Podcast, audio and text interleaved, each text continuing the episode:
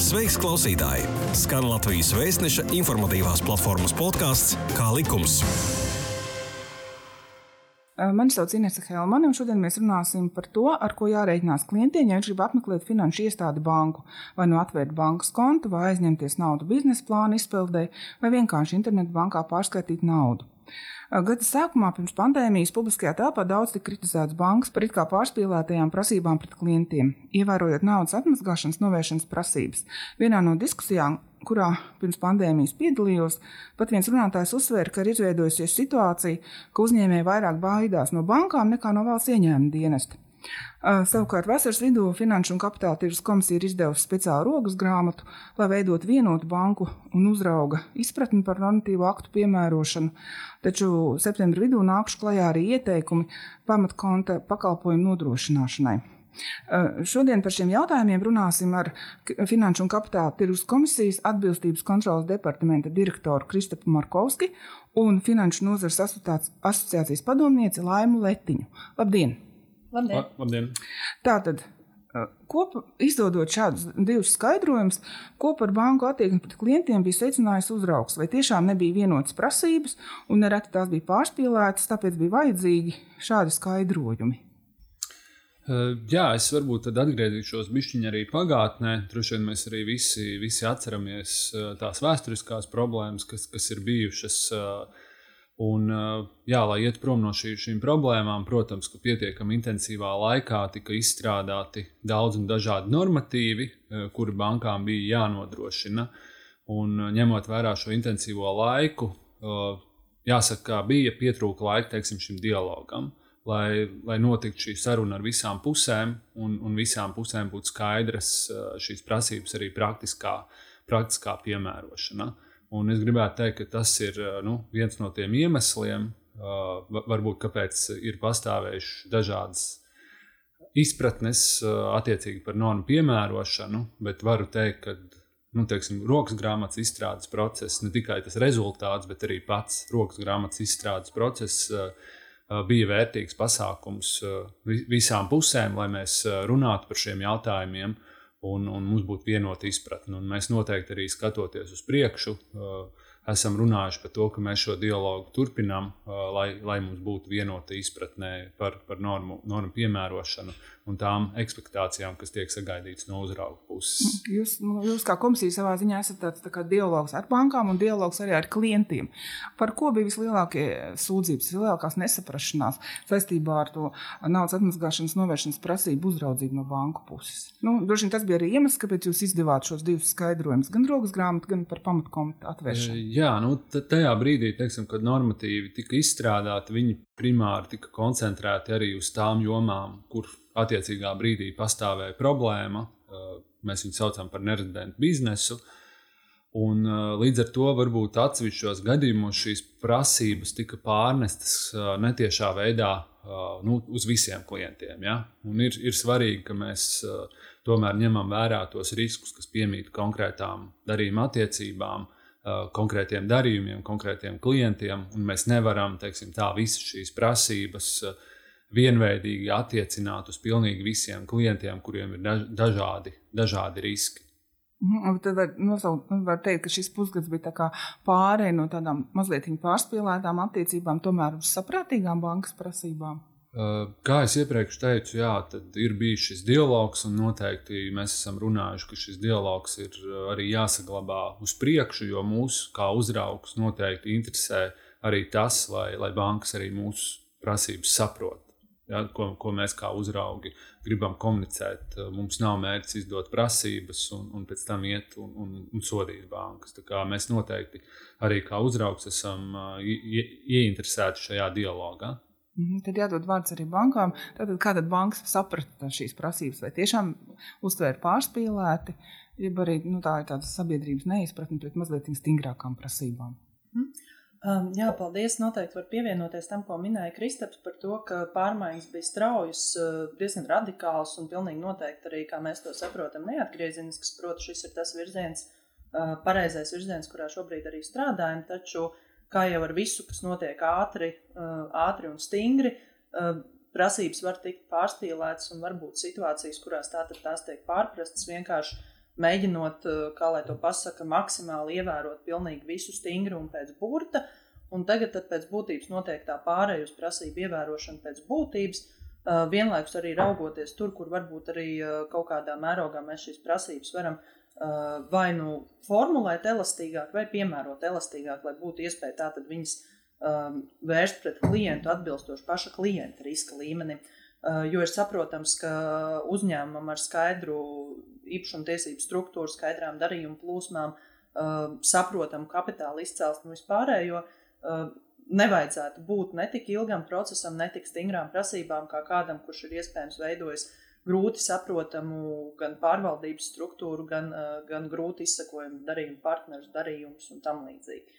Proti, prasībām ir jābūt, viņām ir jābūt stingrām, bet raugoties atbilstoši arī katra konkrētā klienta profilam.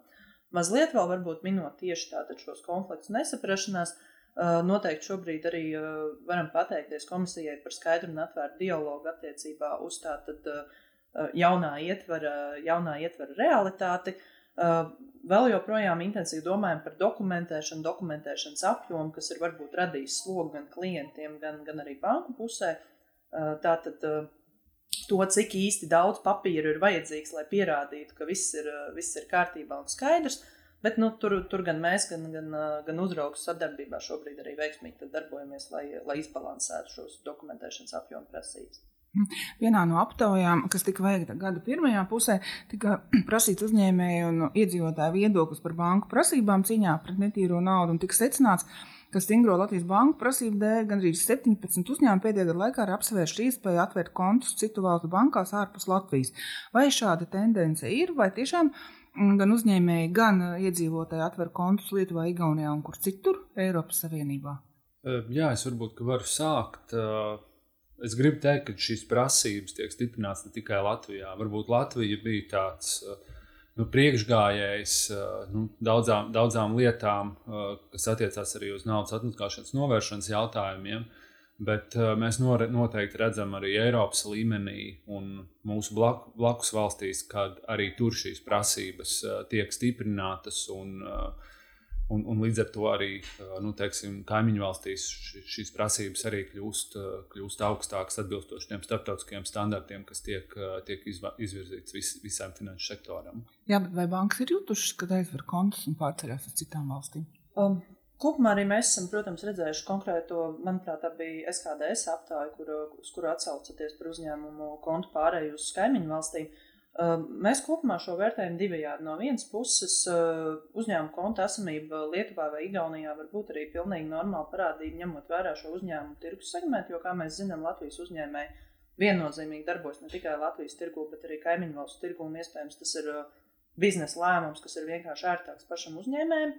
Savukārt, ja runājam par stingrajām prasībām, tad uh, No vienas puses, iespējams, ka varam uh, arī priecāties, ka tas ir attiecīgi konkrēto prasību rezultāts, kur tieši mērķis ir tātad uh, nepieļaut Latvijas finanšu sistēmas izmantošanu negodprātīgām darbībām. No vienas puses, ja prasības realizēs ar to, ka tātad iespējams arī uzņēmējiem, kuri, uh, kuri strādā negodprātīgi, netiek nodrošināta konta atvēršana, tad acīm redzot, nevar teikt, ka visos gadījumos tas nevarētu būt bijis arī mērķis.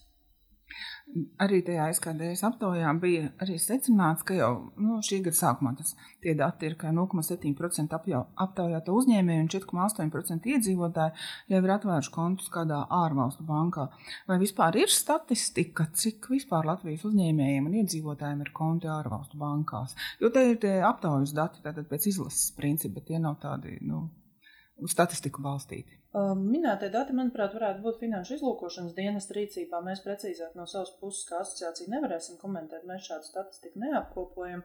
Uh, vienlaikus pieminētais procents, 0,7% uzņēmēji, kā jau iepriekš minēju, manuprāt, uh, uh, ir pilnīgi iespējams arī to izskaidrot ar loģisku biznesa izvēli, vērt vaļā konts tur, kur ir kādu no biznesa, biznesa daļām, attiecīgi, kurā tirgu vairāk darbojas. Mums ir virkni vidē līmeņa uzņēmumu, arī mazo uzņēmēju, kur darbojas kopumā Baltijas valsts segmentā un neatrodas ar, mm -hmm. tikai Latvijas interesēs. Nu jā, jo pārsvarā, kas strādā uzņēmēji, tie strādā visā Baltijas tirgu.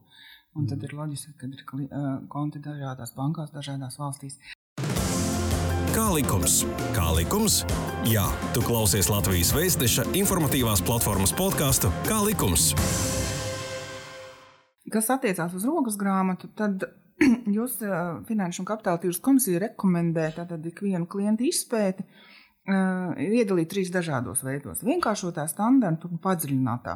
Varbūt jūs pastāstītu, kā, lai nu, klientam, piemēram, ir skaidrība, ar ko viņam jārēķinās, ka viņš iet uz banku, kurā tad sadaļā viņš ietilps. Tātad, kādos gadījumos piemēro katru no šiem trijiem klientu izpētes veidiem? Mhm. Uh, jā, es varbūt sākšu ar vienkāršoto izpēti. Tie ir principā noteikti zema riska gadījumi, uh, kur ir skaidri uh, saprotamas naudu plūsmas un arī līdzekļu izcelsme. Kā piemēru es varu minēt, tās ir valsts institūcijas. Tālāk, jā, tie, tie varētu būt kaut kādi mazā, neliela apmēra, apmēra darījumi. Lielākā daļa klientu ieies standarta izpētē, bet tajā pašā laikā jāsaka, ka bankas nu, atbilstoši šim riska vērtējumam vēl dala teiksim, arī nu, sīkāk šo, šos klientus, arī standarta klientus, atkarībā no tiem riskiem. Uh, tiek noteikts arī šīs izpētes biežums, cik bieži tiek, tiek, tiek veikta šī izpēte, un arī šis izpētes dziļums atkarībā no riska atšķirās. Ja mēs runājam jā, par, par šādiem nu, teiksim, Latvijas fiziskām personām, arī lielākā daļa, es gribētu teikt, juridiskas personas, viņas ietilptu standarta standarta izpētē. Bet kad es, piemēram, kā privāta persona varētu ietilpt standarta izpētē, bet tomēr ar nedaudz citādāku to rakursu? Izpēti, uh, jā, nu, jautājums būtu par Kas to, ka jūs, nu, kā, kādu jūs arī norādīsiet šajā gadījumā bankā, bankas atvēršanas mērķi. Ja jūs atvērsiet kontu, lai šeit saņemtu, teiksim, darba algu un, un norēķināties par ikdienas darījumiem, tad šeit riska, risks ir ārkārtīgi zems, nu, teiksim, kas ir uz naudas atmazgāšanas un terora finansēšanas jomu. Tā pašā laikā, ja jūs norādīsiet, ka jūs uh, veiksiet kaut kādus uh, liela, liela apmēra darījumus, un jūs izmantosiet iespējams to kontu arī kaut kādā mērā. Tur, privātai uzņēmējdarbībai, nu, tas nozīmē, ka tas risks ir augstāks. Un tad jautājums arī par to nu, uzņēmējdarbību, vai tas ir Latvijas līmenis, vai tas ir starptautiskais līmenis, uh, kas, kas ir teiksim, potenciālie tie sadarbības partneri. Nu, tas būtu tādā gadījumā, ja tik tālu līdz tiem jautājumiem aiziet, ja teiksim, tas uh, darījuma apmērs, kas tiek uzrādīts, ir, ir tik liels, lai, lai arī uzdot tālāk tos padziļinātos jautājumus. Un padziļinātā izpēta, kad tā tiks veikta? Jā, padziļinātā izpēta tiks veikta gadījumos, ja pastāvēs kaut kādi konkrētāki jau paaugstinoši riska, riska faktori. Bet šeit arī es gribu uzsvērt, ka viņi ir nu, jāvērtē kon kontekstā. Ja, piemēram, ir sadarbība ar augsta, augsta riska jurisdikcijām, nu, teiksim, valsti, kur, kur pastāv kaut kāds augsts, augsts korupcijas risks, tad tas varētu būt gadījums, kad ir jāveic padziļinātā izpēte. Bet, kā jau minēju iepriekš, viņš ir jāskatās kontekstā ar tiem darījumiem, ar ko uh, uzņēmums attiecīgi vai persona plāno strādāt, uh, cik ilgi, ja tā ir uzņēmējdarbība, cik ilgi jau šī uzņēmējdarbība pastāv Un, ja viņam ir teiksim, jā, viens, viens sadarbības partneris ar attiecīgi paaugstinātu riska jurisdikciju, tas uzreiz nenovedīs pie šīs padziļinātās izpētes. Bet, ja ir šī intensīvā teiksim, uzņēmēja darbība ar šo paaugstinātu risku jurisdikciju un pastāv iespēja, ka tur varētu tikt apgrozīti līdzekļi, kur ir iegūti noziedzīga, noziedzīga nu, darbība rezultātā, uh, tad varētu būt šī padziļinātā izpēte. Bet es gribētu arī uzsvērt to, ka šī padziļinātā izpēte nenozīmē to, ka klients netiek apkalpots. Tas nozīmē to, ka banka vienkārši pievērš pastiprinātu uzmanību šiem riska faktoriem, nu, lai, lai, lai pārliecinātos un būtu droši par, par tiem līdzekļiem, kas, kas attiecīgi ienāk bankā un ka banka netiek, netiek izma, izmantot kaut kādām neatļautām darbībām. Un es saprotu, ka jūs minējāt arī par to dokumentēšanas apjomu, ka par to vēl tik diskutēts. Kad ja vajadz padziļināt to izpēti, tad droši vien tiek pieprasīti kaut kādi papildus dokumenti, ja kaut kādu darījumu pierādīšanai. Vai, nu? Ja, tā tas ir. Uh, jā, es varbūt varu īsi, īsi dokumentēt arī par, par dokumentēšanas apjomu. Mums noteikti nav tā, ka mēs mēram klientu izpēti savākto dokumentu kilogramos, bet mēs mēram pēc kvalitātes, lai saprastu uh, un, un bankai būtu nu, zināms, ar ko, ko uzņēmums nodarbojās un kādi ir tie riski. Līdz ar to ir svarīgi nevis teiksim, tā savāktais dokumentu apjoms, bet uh, secinājumu kvalitāte, nu, kas tiek iegūta. Un tur, protams, ir dažādi veidi, dažādi avoti, uh, kā, kā šo informāciju var iegūt. Un tas, ko mēs arī diskutējam, protams, ar, ar bankām, nu, lai maksimāli arī izmantotu jau esošās datubāzes, reģistrus un tā tālāk, un šos klientus uh, varētu pēc iespējas mazāk apgrūtināt ar jautājumiem, kur šo informāciju jau mēs varam iegūt uh, no, no dažādā, dažādiem reģistriem, datubāzēm, uh, kuras ir pieejamas un, un nav, nav, nav nepieciešams papildus traucēt klientu. Jā, varēšu tikai pievienoties Kristupam par komentāru par, par arī mūsu to vēlamo redzējumu attiecībā uz dokumentēšanas apjomu. Uh, jo ir skaidrs, ka pamatbūtība tātad pēc būtības ir vienkārši bankai nepieļaut to, ka viņas pakalpojumi tiktu izmantot noziedzīgi iegūt līdzekļu legalizācijai. Un līdz ar to galvenais arī ir šo secinājumu kvalitāti un izpratni par to, kādi ir riski un kā šie riski tiek pārvaldīti. Augstāku risku gadījumā, jā, tātad piemērojot šo padziļināto izpēti, kur noteikti klientam nevajadzētu no tās baidīties un, un, un pēc būtības vajadzētu skaidri un, un saprotam arī bankai sniegt nepieciešamo informāciju lai banka varētu to pārbaudīt un, attiecīgi, sadarbība ar klientu būtu daudz veiksmīgāka. Jo šobrīd, ko novērojam, diemžēl, virknē gadījumu, tā reakcija uz informācijas pieprasījumiem ir vienkārši vēlme neko turpmāk nesniegt un, un, un tā teikt, pārvirzīties pie kāda, kādas, attiecīgi, cits kredīti iestādes vai, attiecīgi, vienkārši konta neatvēršana. Šajā gadījumā diez vai varam teikt, ka tā būtu kredīti iestādes vaina nepieprasot konkrēto, tātad pieprasot konkrēto informāciju, kas ir nepieciešama, lai izpildītu prasības un skaidri pārzinātu savu klientu. Bet gan varbūt vai nu klienta nevēlēšanās vai neizpratne par to, kāpēc šāda informācija ir jāsniedz. Noteikti strādāsim pie tā, lai informācijas pieprasījumi būtu iespējami kvalitatīvāki un saprotamāki kā uzņēmējiem, tā fiziskajām personām, bet nu, kopumā jā, dokumentēšanas apjoms sanāks loks visiem. Tāpat noteikti pievienojas Kristupam minētajiem par valsts reģistru izmantošanu. Taču šeit jāņem vērā, ka vēl joprojām atsevišķu reģistru pieejamība, diemžēl, nav tik veiksmīga, kā varbūt ir bijis sākotnēji iecerēts. Šobrīd noteikti sadarbība ar uzņēmumu reģistru ļoti veiksmīga attiecībā uz patieso labumu guvēju informācijas pieejamību. Taču ir, ir reģistri, jā, kur mēs noteikti varētu vēl sadarbību pilnveidot un attiecīgi mazāk apgrūtināt klientu ar informācijas iesniegšanas prasībām. Nu, kā arī, protams, kritiskie jautājumi par uh, informācijas pieejamību Eiropas Savienības līmenī, kur ļoti ceram, ka uh, projekts arī par patieso labumu guvēju reģistru pieejamību visā Eiropas Savienībā būs veiksmīgs un, un, un arī tas tiks nodrošināts. Bet jā, jāņem vērā, ka šobrīd uh, virknē gadījumā arī Eiropas Savienības līmenī mums nav pieejama informācija kaut kādos citos veidos, līdz ar to tā ir jāsniedz klientam pašam. Bet te es saprotu, ka, piemēram, privātpersona, nu, uz ko arī orientēts Latvijas vēstneša portāls, ka nu, pamatā privātpersonai notiek standarta izpēte. Tā nav padziļinātā, tā varētu teikt. Jeb arī varētu būt arī padziļinātā izpēte. Pamatā, jā, ja nerodas aizdomas, ka persona iespējams eh, darbojas kāds cits personas vārdā, atverot kontu, tas noteikti būs kaut kas, kam banka pievērsīs uzmanību. Ja pats klients tātad, piemēram, nespēs izskaidrot, kāpēc viņš īsti atver kontu, vai arī tie darījumi, ko veiks, nebūs uh, nu, kā lai to pasakā, saskaņā ar to, ko klients ir minējis. Arī, protams, arī privātpersonai var tikt pievērsta pastiprināta uzmanība, bet tas būs atkarīgs no šīs pašas privātpersonas rīcības. Mm -hmm. Arī tiek uh, diskutēts par to, ka diezgan ilgs laiks paiet finanšu iestādēs, kamēr izvērtē to klientu, atvērt viņam kontu vai ne, neatvērt. Uh, cik ir, kāds ir kaut kāds minimālais, maksimālais laiks, ar ko vispār cilvēkam ir jārēķinās, ja viņš grib atvērt kontu bankā? Grūti būs teikt par, par minimālo laiku. Ir personas, kurām, protams, ir iespējama konta atvēršana pat vienas darbdienas laikā, jau minētie, teiksim, Latvijas iedzīvotāji fiziskās personas. Nu, vēl viena droši vien grupa, kurai ir jārēķinās ar ilgāku laiku, ir politiski nozīmīgās personas. Tās mums Latvijā ir ļoti plašs lokus. Sākot ar principā katru, katru personu, kas ir jebkad kandidējusi vēlēšanās, amatpersonas tam līdzīgi Latvijā tiešām šo personu, kas atbilst šai definīcijai, ir daudz, un, lai arī pēc būtības tās arī ir tikai privātpersonas, privātpersonu kontiem, ar to ir jārēķinās, ka viņām arī būs šī pastiprinātā uzmanība tieši korupcijas risku dēļ, kur, kā mēs visi zinām, Latvijā nav zemi.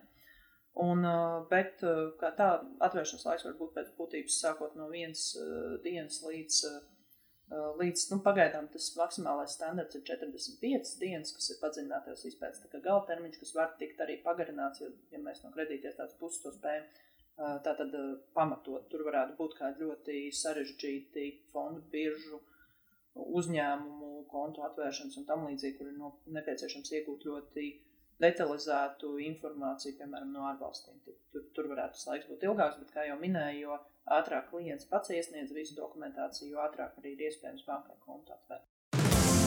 Kā likums? Kā likums?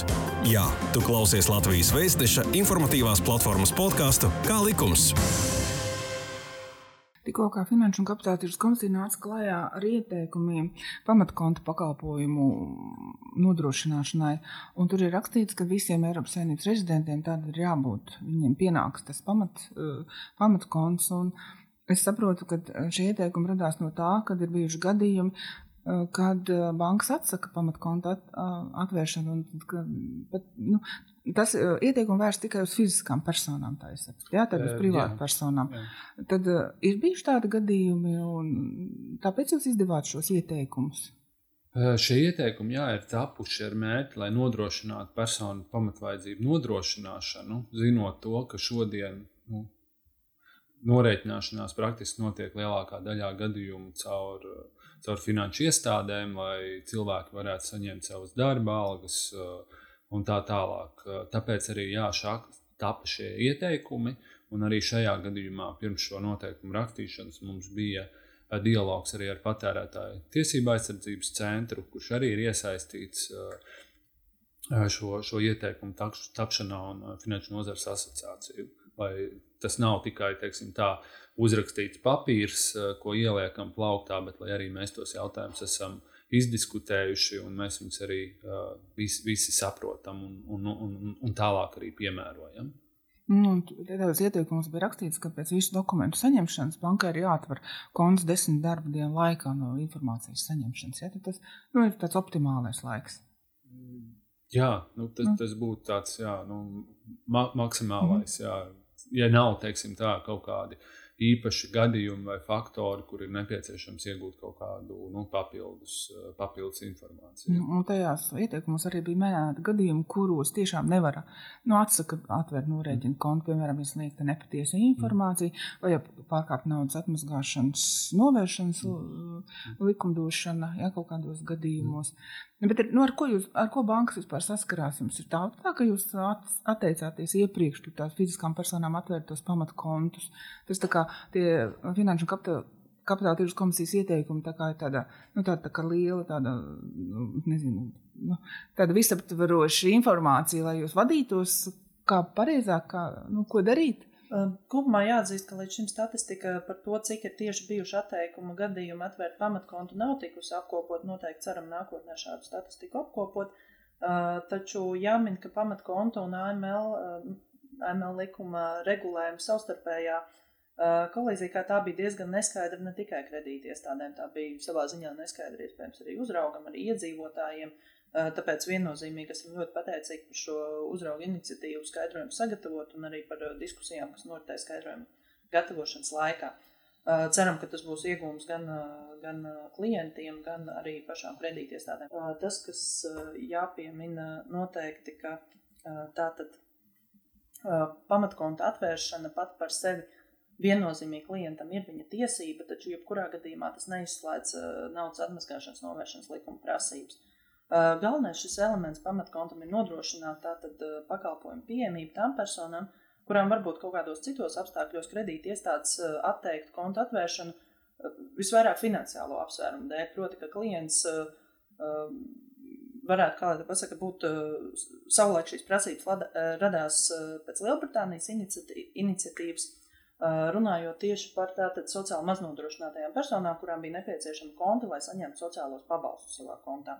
Un, protams, ka tas varēja būt saistīts ar to, ka viņas vienkārši nevarēja atļauties bankas pakalpojumu, lai šos sociālos pabalstus kontā saņemtu. Tāda arī ir šo, šo pamatkontu galvenā ideja, ka personām ir jābūt uh, iespējai saņemt sev pienākošos maksājumus gan algu izpratnē, gan, uh, gan tātad, uh, sociālo pabalstu izpratnē un tam līdzīgi. Un, uh, līdz ar to, protams, ka ir nepieciešams kāds, kurš nodrošina šādu kontu esamību, kur personām šos maksājumus saņem. Pamatkonts nav domāts ne profesionālai, ne saimnieciskai darbībai, viņš nav domāts arī augsta riska darījumiem, piemēram, akciju tirgos vai tam līdzīgi. Tas ir tiešām iedzīvotājiem viņa pamatmaksājuma saņemšanai. Mhm. Es esmu dažādās sarunās, dažādās diskusijās atzīmējis atsevišķus piemērus saistībā ar finanšu iestādēm. Es varbūt jūs varētu pakomentēt katru no tiem. Tad man ir, ir tāds gadījums, ka pensionāri no Krievijas ir uzturēšanās atļauja Latvijā, bet banka atsakās atvērt kontu. Ja? Kāpēc tas tā varētu būt? Un vai viņai ir cerības, ja tas ir pamatkonts, ja? vai viņai ir cerības tai pensionārai tikt pie pamatkonta Latvijā? Es gribētu teikt, ka standarta gadījumos šeit nevajadzētu būt problēmai nu, ar konta atvēršanu pensionārai, jā, kur saņem nu, pensiju teiksim, no Krievijas vai darba algu, nu, teiksim, tā saprotams, saprotams maksājumus.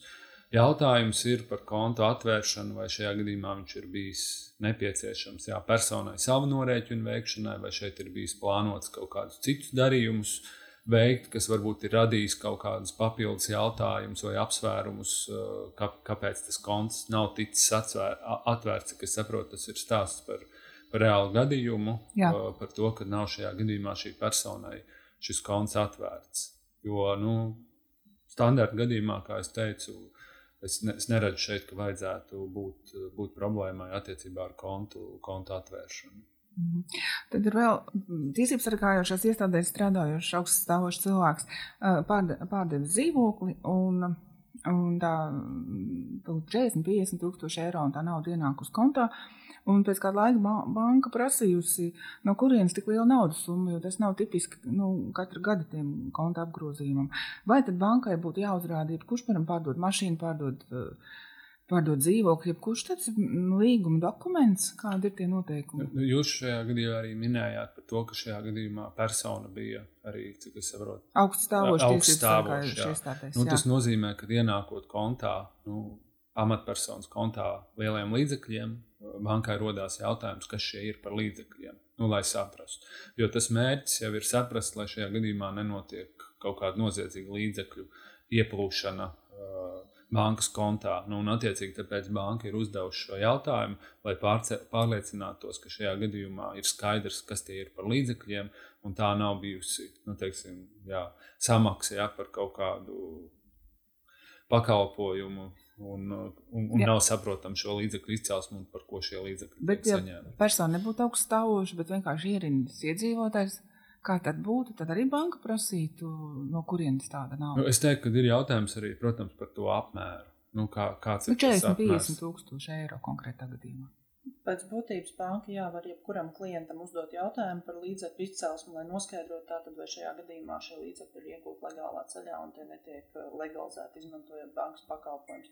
Minētajā gadījumā, gan, uh, manuprāt, uh, ņemot vērā, ka tiek pārdots nekustamais īpašums, spējai no klienta puses izskaidrot darījumu, darījumu būtību un tātad bankai pārliecināties, ka šeit uh, legalizācijas pa, uh, pazīmju nav, vajadzētu būt diezgan vienkārši. Mēs nerunājam ne par kādu sarežģītu darījumu, kur, kur ar ārvalstīm vai tam līdzīgi, kur būtu sarežģīti paskaidrot, uh, uzrādīt dokumentus, kas ir par pamatu darījumam. Tam visam vajadzētu būt diezgan vienkārši un ātri.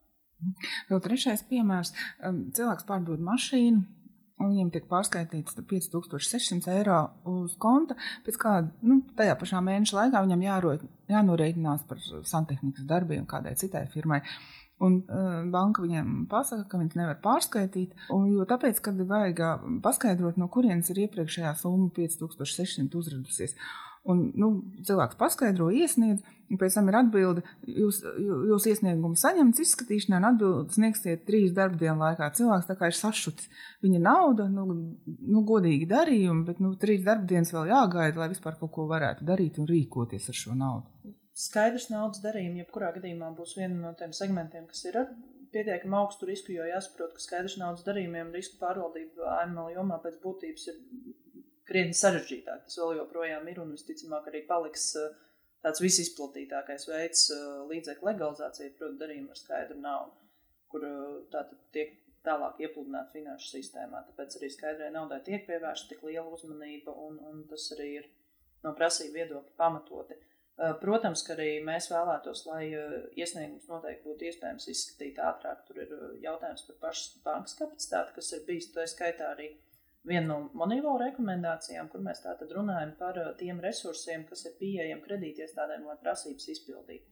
Šī virzība uz riskos balstītās pieejas, runājot arī no kredītiestādes skatu punkta, viennozīmīgi nav tikai par klienta labāku risku pārvaldību atbilstoši klienta riska līmenim, bet ir arī par to, ka bankas resursi pēc būtības tiek veltīti tur, kur riski ir augstāki un kur pēc būtības šie iesaist pārbaudas ir vajadzīgas maksimāli lielākas. Protams, tas ir stāsts arī par to, kādi tad resursi ir nepieciešami pašai kredītiestādē, lai AML prasības, kas ir sarežģītas un ir, protams, arī dārgas, banka varētu izpildīt. Līdz ar to domājam, ka jo labāk veiksies ar uh, riskos balstītās pieejas iedzīvināšanu pēc būtības, jo arī uh, šie termiņi, ar uh, kuriem varbūt klientam ir jāsastopās un, un jārada, diemžēl, kas rada klientam grūtības, kļūs īsāki un, un, un arī prasības skaidrākas un saprotamākas.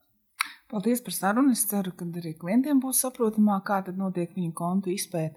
Gribēju atgādināt, ka studijā bija Kristaps Markovskis no Finanšu un Kapitāla tirgus komisijas un Laima Letiņa no Finanšu nozares asociācijas. Paldies jums! Jā, paldies par sarunu! Paldies!